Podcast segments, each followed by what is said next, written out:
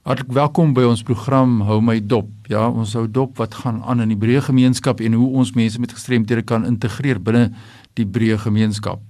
Nou luister as sal onthou ons het 'n jaar of wat gelede het ek 17 programme gedoen met meneer Michael Bygram, baie bekende regskundige hier in die Wes-Kaap en ook nasionaal arbeidsreg en ons het programme gedoen oor hoe word mense met gestremthede in die werkplek hanteer en wat kan ons luisteraars doen as nie 'n persoon met 'n gestremdheid is of 'n persoon met 'n gestremdheid ken wat dan uitgedaag is deur uitdagings binne die werkplek dan hoe ons te werk moet gaan. Dit is steeds beskikbaar op die sisteme en ons wil graag hierdie proses verder vat want luisteraars het gevra dat ons bietjie moet gesels oor die regte van gestremdes in die algemeen en natuurlik ook hoe kan ons bewustheid skep en hoe moet ons kyk na gestremdheid binne die breë gemeenskap.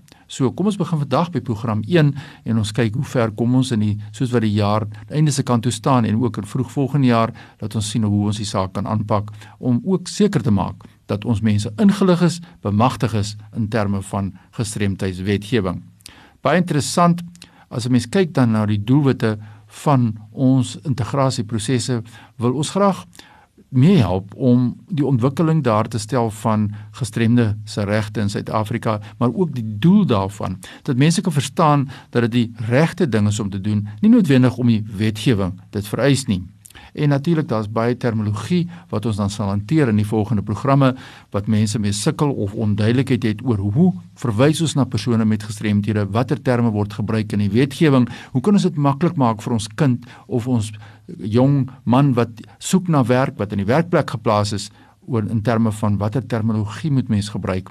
Die ander saak wat ons ook gaan fokus op is om konsepte dan na vore te bring konsepte van verlies, konsepte van gestremdheid en die funksionele uitdagings wat mense met gestremdhede daagliks beleef.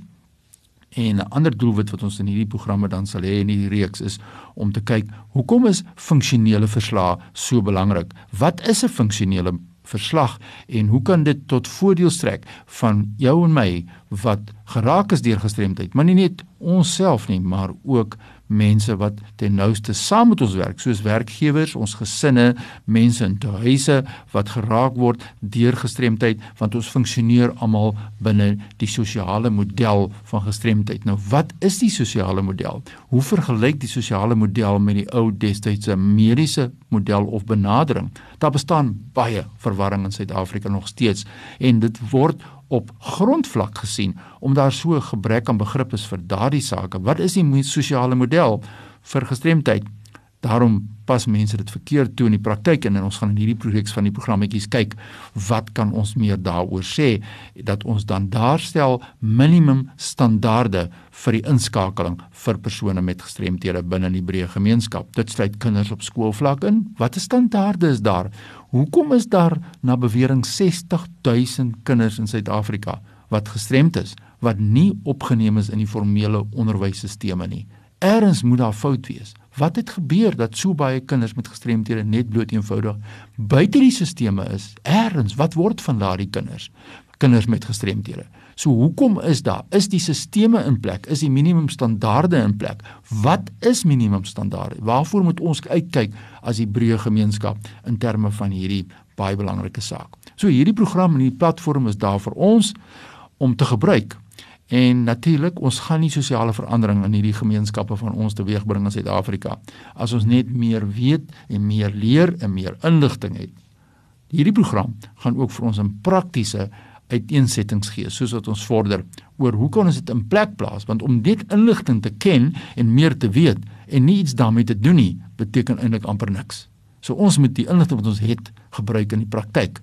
So dit help nie ons is baie slim oor gestremdheid sake nie, maar daar sit 60000 kinders buite die sisteme wat eers rondhang wat ons nie weet wat van hulle gaan word nie en nie toegang het om tot volle potensiaal te kan ontwikkel nie. So dit is die vertrekpunt van hierdie program. En ek sluit af vandag se gesprek deur daarop te wys ons ken die baie bekende Nin en Nin het gesê en ek gaan in Engels sê we don't see things as they are we see things as we are en baie keer wat ons denkerigtings is rondom 'n bepaalde saak is nie noodwendig wat die realiteit is nie maar omdat ons sekere vooroordeele het en sekere persepsies het En dit gebeur ook met gestremdheid. Ons het 'n idee oor hoe om iemand met sigverlies te hanteer.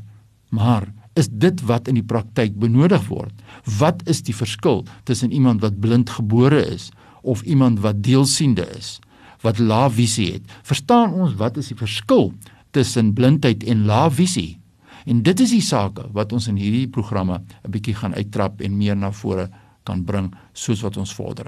Indien jy nou inset wil maak in my program of voorstelle wil maak watter inligting ons moet hanteer in hierdie reeks programme oor die bewustheid van gestremdheid, dan stuur sommer nou 'n e-pos aan my by fani.dt@mweb.co.za. Ek beantwoord graag jou vrae. Groete tot 'n volgende keer.